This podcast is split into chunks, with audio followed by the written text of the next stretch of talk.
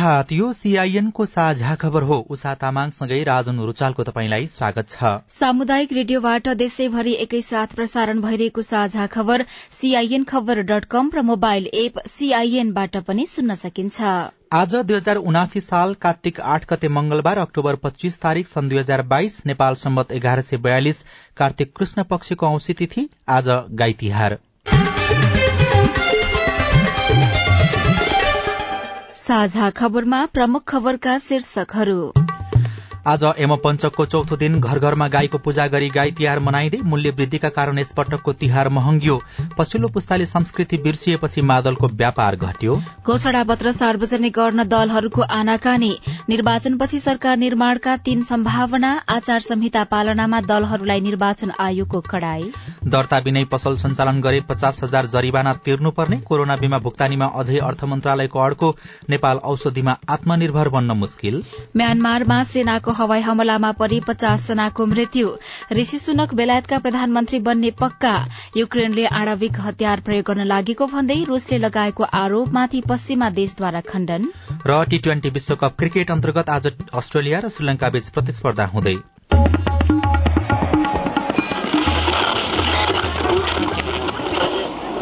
Radio. हजारौं radio कर्मी र करोड़ौं नेपालीको माझमा यो हो सामुदायिक सूचना नेटवर्क सीआईएन साझा खबरको सबैभन्दा शुरूमा गाई तिहारको प्रसंग आज यमपञ्चक अर्थात तिहारको चौथो दिन आज गाई तिहार गाईको पूजा आज गरी मनाइँदैछ। गाईलाई पूजा गर्नाले गाईबाट आमाबाट जस्तै माया पाइने धार्मिक विश्वासका साथ पूजा गरी गाई तिहार मनाउन लागि हो। हरेक वर्ष तिहारमा गाईको पूजा गर्ने गरिन्छ। यो वर्ष गोरू तिहार भने भोलि परेको छ।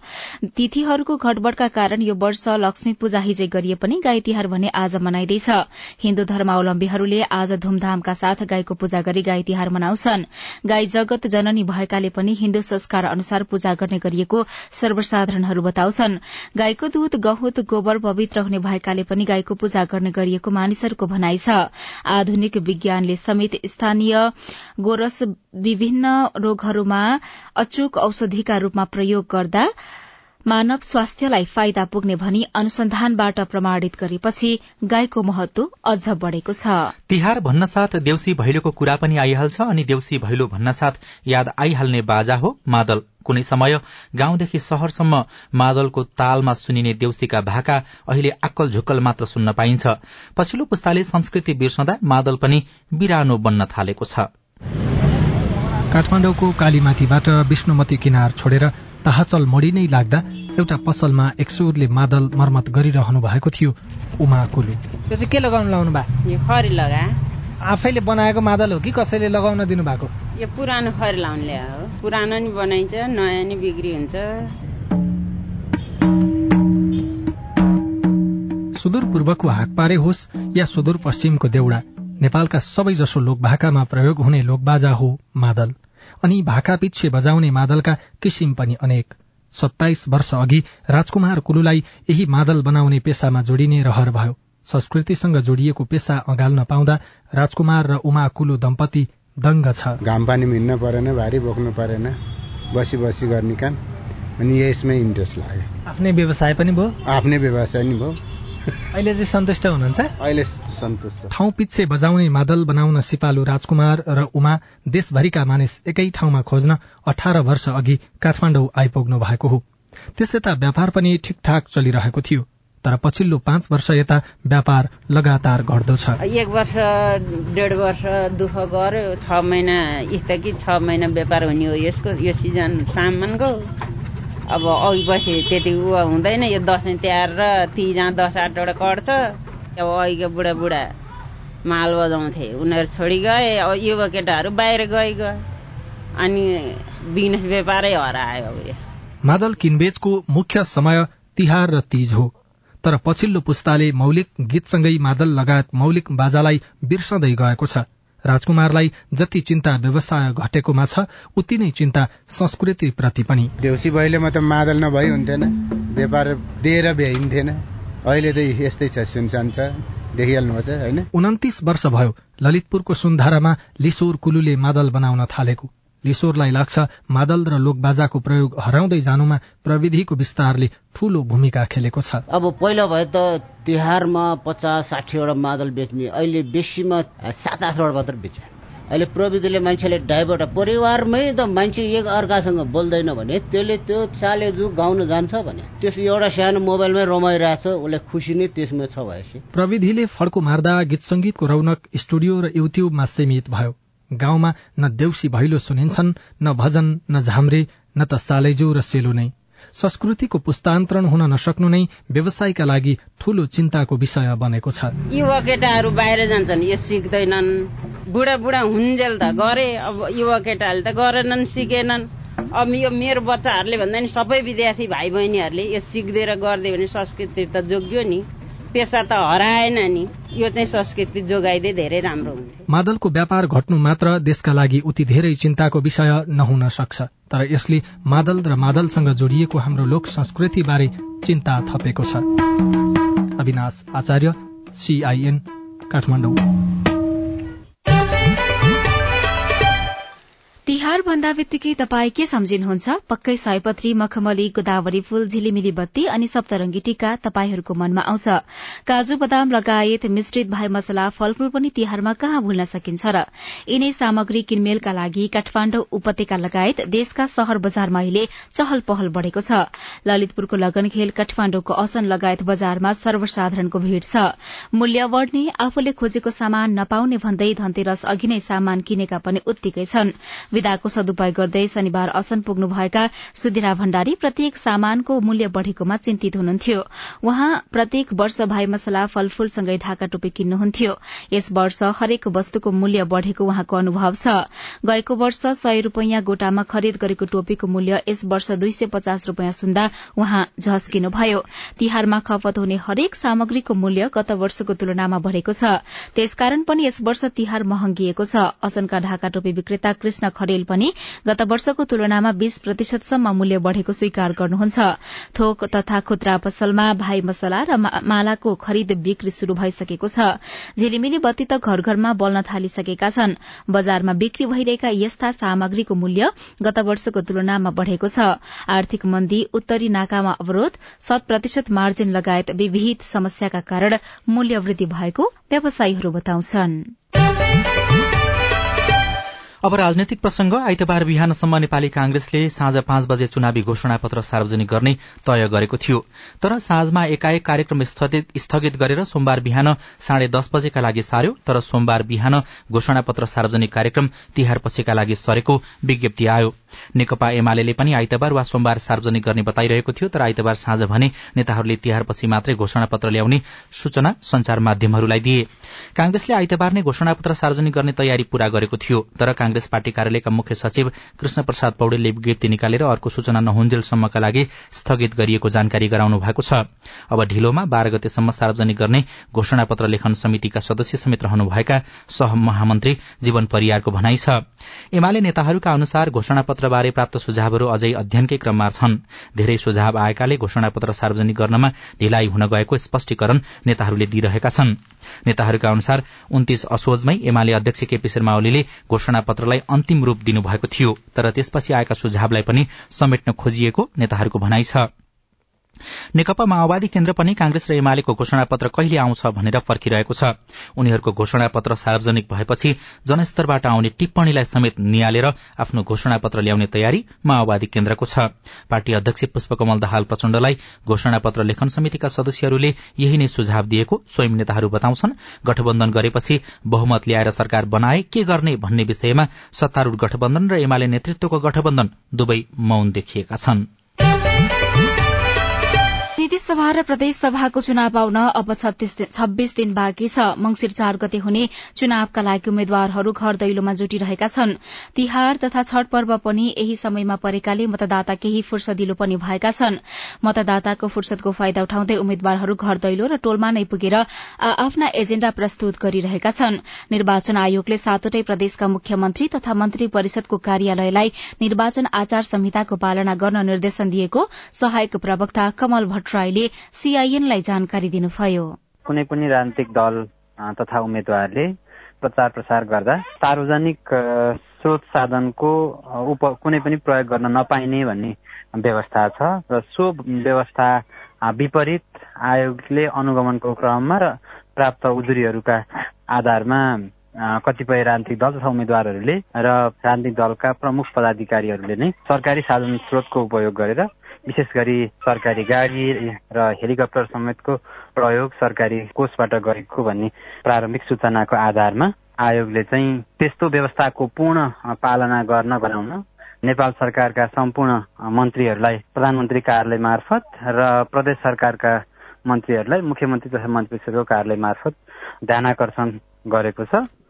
निर्वाचन आयोगले निर्वाचन आचार संहिता विपरीत कुनै कार्य भएको पाइएमा उजुरी दिन चाहने व्यक्तिले मौखिक लिखित सामाजिक सञ्जाल विद्युतीय माध्यम वा अन्य कुनै तरिकाले उजुरी दिन सक्ने जनाएको छ। निर्वाचन आयोग निर्वाचन अधिकृतको कार्यालय निर्वाचन कार्यालय वा आचार संहिता बमोजिमका समिति टोली वा अनुगमन अधिकृत समक्ष दिन सकिने व्यवस्था गरिएको छ। यसका साथै आयोगले सञ्चालन गरेको पैसा नलाग्ने टोल फ्री नम्बर एघार शून्य दुईमा फोन गरेर पनि उजुरी दिन सकिने सहायक प्रवक्ता भट्टराईले बताउनुभयो उहाँका अनुसार कसैले आचार संहिता उल्लंघन गरेमा मौखिक रूपमा वा विद्युतीय माध्यमबाट समेत उजुरी दिन सकिनेछ।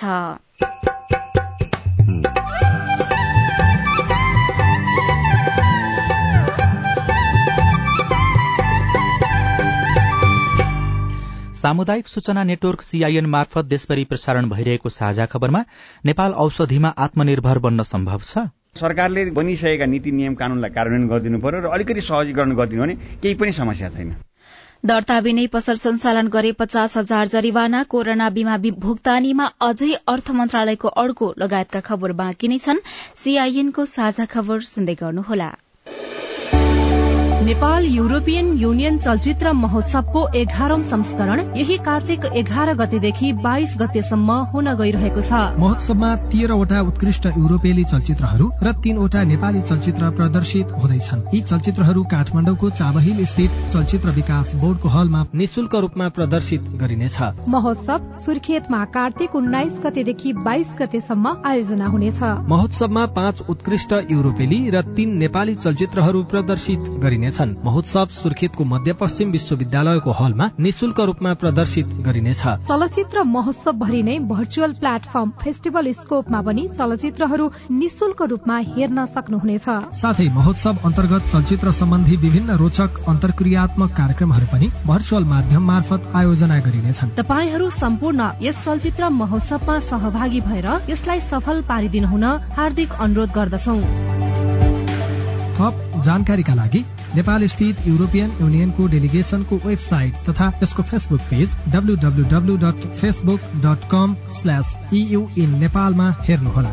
आयोजक नेपाल स्थित युरोपियन युनियनको डेलिगेशन सामाजिक रूपान्तरणका लागि यो हो सामुदायिक सूचना नेटवर्क सीआईएन तपाईँ अहिले देशभरिका सामुदायिक radio CIN Khabar dot com र मोबाइल एप सीआईएनबाट एकैसाथ साझा खबर सुन्दै हुनुहुन्छ। मोबाइल एप नेपाली पात्रोबाट पनि सीआईएनको साझा खबर सुनिरहनु भएको छ। अब बाँकी खबर। अर्थ मन्त्रालयकै अवरोधका कारण तिहार अघि कोरोना बीमाका बिमितले भुक्तानी नपाउने भएका छन्। सरकारले एक अर्ब रूपियाँ र बाँकी सरोकारवालाले एकासी करोड़ रूपियाँ गरी पहिलो चरणमा कुल एक अर्ब एकासी करोड़ रूपियाँ वितरणका लागि बीमा समितिको तयारी छ।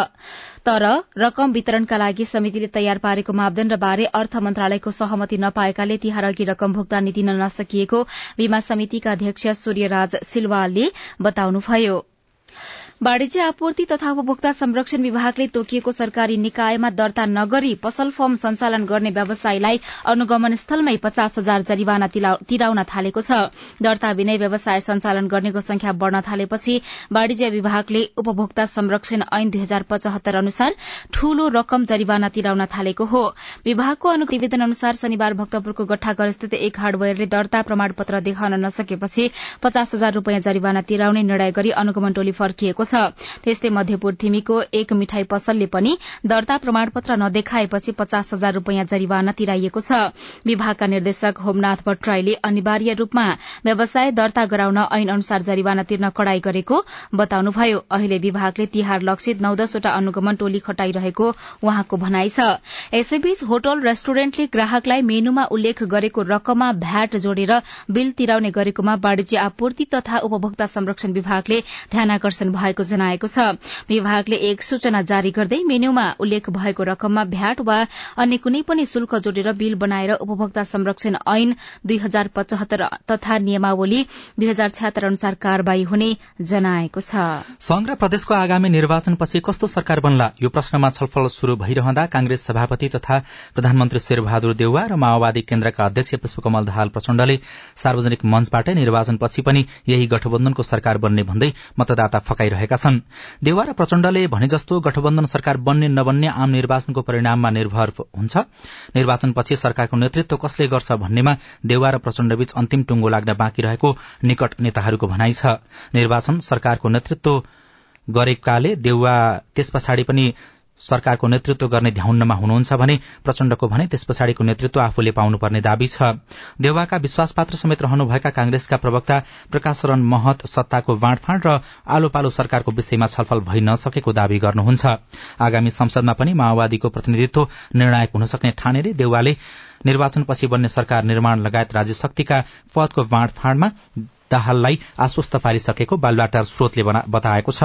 राजनीतिक विश्लेषक समेत रहनुभएका निर्वाचन आयोगका पूर्व प्रमुख आयुक्त भोजराज पोखरेलले अहिलेको राजनैतिक दृश्यले आगामी पाँच वर्ष पनि एमाले अध्यक्ष केपी शर्मा ओली कांग्रेस सभापति शेरबहादुर देउवा र माओवादी अध्यक्ष पुष्पकमल दाहाल प्रचण्डबाटै शासित हुनुपर्ने देखाएको बताउनुहुन्छ। निर्वाचन पछिको सत्ता समीकरणको विषय अहिले अनुमान लगाउन कठिन हुने उहाँको बुझाइ छ। निर्वाचन परिणाम र गठबन्धनमा रहेका पार्टीका उम्मेद्वारबीच कसरी मत आदान प्रदान हुन्छ त्यसबाट सत्ता समीकरणको दृश्य प्रष्ट हुने उहाँ बताउनुहुन्छ। अहिले राजनैतिक वृत्तमा चर्चामा रहेका सम्भावना तीनवटा यस्ता देखिएका छन्। पहिलो सम्भावना देउवा र प्रचण्डबीच निर्वाचन क्षेत्रको बाँडफाँड हुनु अघि नै आलो पालो सरकार बनाउने विषयमा सैद्धान्तिक सहमति भएको छ। त्यसैको आधारमा सरकार बन्नेछ। त्यस्तै दोस्रो सम्भावना निर्वाचन परिणामले एमाले र माओवादी बेगर्नै अन्य साना दलसँग मिलेर कांग्रेसले सरकार बनाउन सक्ने बताइएको छ। त्यस्तै तेस्रो सम्भावना निर्वाचन परिणामपछि एमाले र माओवादी मिलेर सरकार बनाउने सम्भावना पनि बन्न सक्छ। राजनैतिक विश्लेषकहरूले विश्लेषण गरेको खबर कान्तिपुर दैनिकले छापेको छ। साझा खबरमा हेलो सीआईएन सजना सिन्हाबाट। बाजुराबाट अनिल विष्ट सीआईएनको फेसबुक पेज मार्फत सोध्नुहुन्छ तिहार अवधिभर शान्ति सुरक्षा कायम राख्न कस्तो व्यवस्था गरिएको छ? तपाईँको प्रश्न हामीले बाजुराका प्रमुख जिल्लाधिकारी सुरेश पन्थीलाई सुनाएका छौं। सुरक्षाका सबै संयन्त्रहरूलाई परिचालन गरेर जिल्लामा शान्तिपूर्ण रूपमा मनाउने र नागरिकहरूलाई पनि यी कुराहरू जस्तै देउसी भौली खेल्न नभएसम्म मात्रै हामीले समय दान गरेका छौँ। र कुनै पनि कानुन विपरीतका अवांछित क्रियाकलाप नगर्ने मादक पक्ष सेवन लगायत सार्वजनिक स्थलमा आवाज सेवन गरी हल्ला नगर्ने कुनै पनि कानुन विपरीत कार्यहरू नगर्न आतिशबाजी पताकाहरू नपड्काउन र त्यसको बिक्री वितरणमा समेत हामीले रोक लगाएका छौँ। मैनबत्ती र बिजुलीबाट को प्रयोग गर्दाखेरि भने अहिले चाहिँ जुन सावधानीपूर्वक गरिदिनु हुन पनि अनुरोध गरेका छौँ। म विजय प्रकाश चोङमाङ ताप्लेजुङ जिल्ला मेन्डेन गाउँपालिका पाँच नम्बर बोलेको मैले गुणस्तरीय दन्ते ओखरको व्यावसायिक रूपमा खेती गर्ने विचार गरेको छु तर यसको बिरुवा कहाँबाट उपलब्ध गर्न सकिन्छ? जवाब पाउन सके राम्रो हुन्थ्यो। तपाईँको जिज्ञासामा मेरिङदेन गाउँपालिकाका कृषि शाखाका प्रमुख रमेश कुमार राई भन्नुहुन्छ। गुणस्तरीय भन्नु भएर चाहिँ एक खालको दन्ते ओखरको चाहिँ हामी आफैले नर्सरी राखेका छौँ। उहाँले कुन खालको भन्नु खोज्नु भएको उहाँलाई एकचोटि बुझ्न पाए राम्रो हुन्थ्यो। उहाँको सम्पो सबै इच्छा आकाङ्क्षाहरू उहाँले चाहनुभएको म पुरा गरिदिन सक्छु। उहाँसँग मेरो छ छन त सधैँ पनि कुरा भइरहेको छ। मसँग राख्नु भएन उहाँले त्यति गरिदिनु भयो अझै बेस्ट हुन्थ्यो। कोरोना भाइरसको ओमिक्रोनको सब भेरिएन्ट एक्सबिबी नेपालमा पनि भेटिएपछि रामेछापका सुजन घिमिरेले चाडपर्वका समयमा नयाँ भेरिएन्ट देखिएको भन्दै चिन्ता व्यक्त गर्नु भएको छ।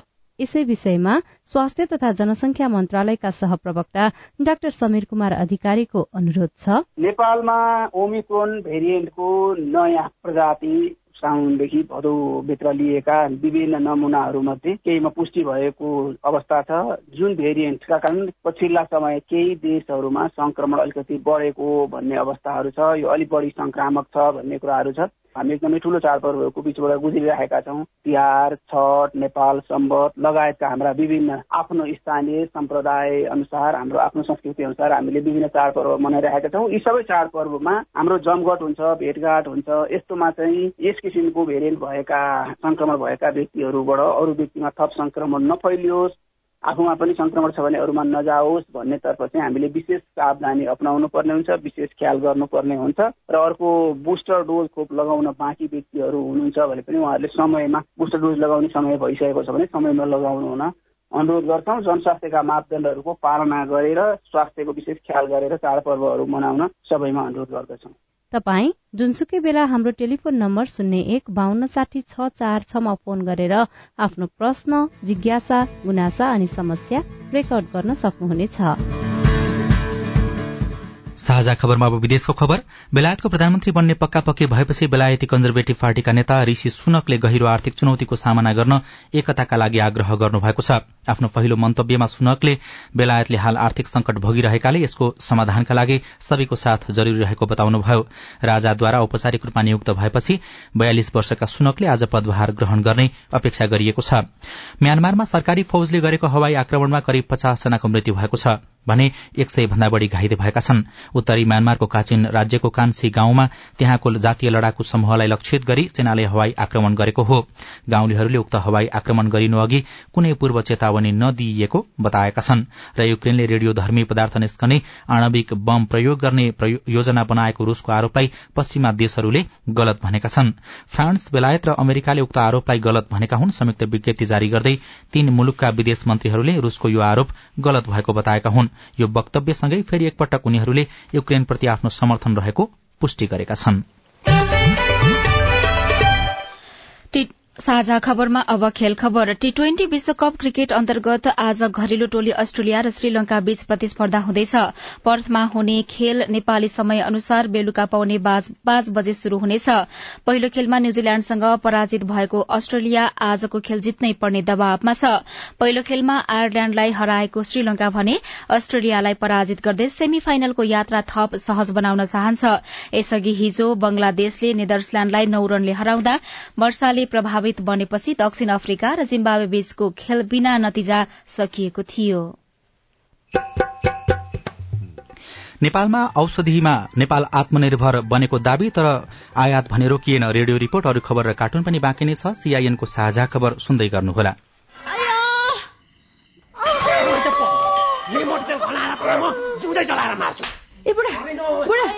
नि त्यो माइलाले त मार्ने भयो त माइलीलाई। मटी तेल पो खनाउँदैछ त। लग्न नि। झट्टै पुलिस बोलाइदिनु त। हो त पुलिसलाई खबर नगरी भएन। यसले त अति नै गर्न लाग्यो। एक शून्य शून्य। Hello police station? लौन तपाईँहरू झट्टै यो जिल्ला अस्पताल लिएर आइदिनु पर्यो। तपाईँहरू जस्तो असल छिमेकीलाई चाहिँ धेरै धन्यवाद है। हामीलाई बेलैमा खबर गरिदिनु भएर थप अप्रिय घटना हुन पाएन। यसरी अग्निजन्य हिंसा महिला हिंसा गर्नेलाई त कानून बमोजिम दण्ड सजाय हुन्छ। ल यसलाई लिएर हिँड्नुहोस् त। सावधान। पेट्रोल मट्टीतेल जस्ता ज्वलनशील पदार्थ लगायत तेजाब करेन्ट आदिले जलाई ज्यान मार्ने अङ्गभङ्ग गर्ने शारीरिक क्षति पुर्याउने जस्ता आपराधिक कार्य गर्नेलाई प्रचलित कानून अनुसार कडा भन्दा कडा सजाय तथा जरिवानादेखि जन्म कैदसम्म हुने व्यवस्था छ। त्यस्ता कार्य नगरौं नगराउ। अग्निजन्य हिंसा भएमा उजुरी गर्न प्रहरीको नम्बर एक शून्य शून्यमा र अन्य आवश्यक सहयोगको लागि बीबीएस नेपालको फोन नम्बर शून्य एक चौन्न पचपन्न छ आठ नौमा सम्पर्क गर्नुहोला। अग्निजन्य हिंसा विरुद्धको अभियानमा एक्सन एड नेपाल र बीभीएस नेपालद्वारा जनहितमा जारी सन्देश। सामाजिक रूपान्तरणका लागि यो हो सामुदायिक सूचना नेटवर्क सीआईएन साझा खबरमा अब औषधिमा पूर्ण आत्मनिर्भर बन्ने लक्ष्य र हालको अवस्था। मुलुक संघीय संरचनामा जाँदा नेपाललाई पाँच वर्षमा अत्यावश्यकीय औषधिमा पूर्ण आत्मनिर्भर बनाउने लक्ष्य राखिएको थियो। सरकार र औषधि उत्पादनमा लागेका उद्योगले आत्मनिर्भर बनाउने नीति पनि लिए। हाल नब्बे प्रतिशत आत्मनिर्भर बनेको दावी गरिए त्यो भन्दा धेरै आयात हुन गरिए पनि त्यो भन्दा धेरै आयात हुन रोकिएको छैन। जिल्ला स्वास्थ्य कार्यालयबाट औषधि गयो भन्छन्। माथि औषधि केही पनि देखिँदैन औषधि छैन भने चाहिँ आलटाल गर्छन् अनि हिँड्छन्। बाजुराका हरिहर बुढा जिल्लामा प्राय औषधि अभाव भइरहने समस्याबाट दिक्क हुनुहुन्छ। सिराहामा औषधिको अभाव त हुँदैन तर पाइने अधिकांश भारतबाट ल्याइएको हुन्छ। एकजना स्थानीय विजय यादव। डॉक्टर जे लिखे छै दवाई जे दै छै ने ओ दवाई अहाँके भेटबो नहि करै छै नीक जकाँ। जे फुराय छै सएह दवाई दऽ दै छै। हरिहर र विजयको अनुभव त प्रतिनिधिमूलक उदाहरण मात्रै हो।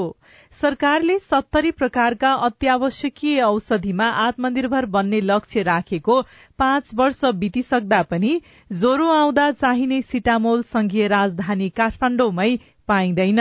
औषधि उद्योगहरू भने दश प्रतिशत मात्रै औषधिमा आत्मनिर्भर हुन बाँकी रहेको दावी गर्छन्। एकजना औषधि उत्पादक उद्धव बाबु त्रिपाठी। केही एकाध औषधिहरू बाहेक अरू जुन नेपाल सरकारलाई चाहिने अत्यावश्यक औषधिहरू छ त्यो हाम्रै उत्पादनले पुर्याउन सक्ने अवस्था आजको दिनमा छ र हामी गुणस्तरीय औषधि दिन पनि सक्छौ। औषधि व्यवस्था विभागका अनुसार नेपालमा हाल नेपाल औषधि लिमिटेड बाहेक निजीतर्फ एक सय अठाइसवटा औषधि उद्योग दर्ता छन् जसले नब्बे प्रतिशत अत्यावश्यकीय औषधि उत्पादन गर्दै आएको सरकारको दावी छ। सरकारको नीतिगत कमजोरीका कारण समस्या भएको औषधि उत्पादक संघ नेपालले आरोप लगाउँदै आएको छ।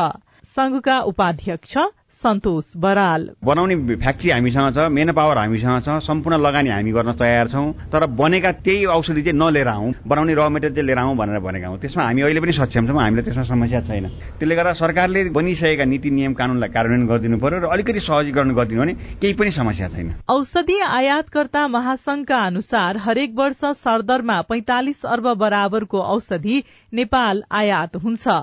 सरकार भने खुला बजार प्रतिस्पर्धाका कारण नीतिगत व्यवस्था गरेर औषधि आयातमा रोक लगाउन नमिल्ने बताउँछ। उद्योग वाणिज्य तथा आपूर्ति मन्त्रालयका सहसचिव जीवलाल भूषाल। बाहिरबाट आयलाई रोक्न मिल्दैन। बरु हाम्रा उद्योगलाई प्रतिस्पर्धी बनाउनलाई सहयोग गर्ने हो। त्यसको निम्ति सरकारले बजेट नीति कार्यक्रमबाट सपोर्ट गरिरहेछ। कच्चा पदार्थ सस्तरी ल्याउन पाउने र फिनिस गुड ल्याउँदाखेरि ट्याक्समा अलिकति बढोत्तरी गरिदिने हो। कर नीति मार्फत उहाँहरूलाई सपोर्ट गर्ने हो। त्यो कुरा चाहिँ सरकारले गरिरहेछ। आयातकर्ता महासंघका अनुसार नेपाली बजारको पचपन्न प्रतिशत भन्दा बढ़ी औषधि विदेशी उद्योगले ओगटेको छ। भने पैंतालिस प्रतिशत माग नेपालको उत्पादनले धानेको छ। तर बजारमा बेला बखत हुने औषधिको अभाव पूर्तिका लागि सरकारले प्रभावकारी कदम नचलाएको गुनासो रोकिएको छैन। स्नेहा कर्ण सीआईएन काठमाडौँ। रिपोर्टसँगै हामी साझा खबरको अन्त्यमा आइपुगेका छौं। सामुदायिक रेडियो प्रसारक संघद्वारा संचालित सीआईएनको बिहान छ बजेको साझा खबर सक्नु अघि मुख्य मुख्य खबर फेरि एकपटक। आज यमपञ्चकको चौथो दिन घर घरमा गाईको पूजा गरी गाई तिहार मनाइँदै मूल्यवृद्धिका कारण यस पटकको तिहार महँगियो। पछिल्लो पुस्ताले संस्कृति बिर्सिएपछि मादलको व्यापार घट्यो। घोषणा पत्र सार्वजनिक गर्न दलहरूको आनाकानी निर्वाचनपछि सरकार निर्माणका तीन सम्भावना आचार संहिता पालनामा दलहरूलाई निर्वाचन आयोगको कडाई। दर्ता विनय पसल सञ्चालन गरे पचास हजार जरिवाना कोरोना बीमा भुक्तानीमा अझै अर्थ मन्त्रालयको अर्को नेपाल औषधिमा आत्मनिर्भर बन्न मुस्किल। म्यानमारमा सेनाको हवाई हमलामा परि पचास जनाको मृत्यु ऋषि सुनक बेलायतका प्रधानमन्त्री बन्ने पक्का। र टी ट्वेन्टी विश्वकप अन्तर्गत आज अस्ट्रेलिया र श्रीलंका बीच प्रतिस्पर्धा हुँदै। साझा खबरको अन्त्यमा कार्टुन हामीले खुत्रुक्कै शीर्षकको कार्टुन बनाएका छौं। यहाँ कार्टुनमा केही पड्किएको जस्तो देखाउन र सुनाउन खोजिएको छ। आवाज पनि त्यस्तै सुनिन्छ। पटका होला भनेर मानिसहरूले अनुमान लगाएका छन्। तिहारको बेलामा पटका पड्काउनको लागि निषेध गरिएको छ र पनि विभिन्न ठाउँमा पटका पड्किएको सुनिन्छ। तर त्यही बेलामा एकजना व्यक्ति कुद्दै कुद्दै आइपुग्छन् र यसो भन्छन् होइन होइन पटका होइन के? काम गर्न नसक्ने नेताको गाला पड्केको रहेछ। हवस् त प्राविधिक साथी सुनिल राज भारतलाई धन्यवाद। अहिलेलाई राजन रुचाल र उषा तामाङ विदा भयौं। तपाईँको आजको दिन शुभ होस्। नमस्कार। यसपछि देशभरिका सामुदायिक रेडियोबाट कार्यक्रम संवाद प्रसारण हुनेछ। सुन्ने प्रयास गर्नुहोला।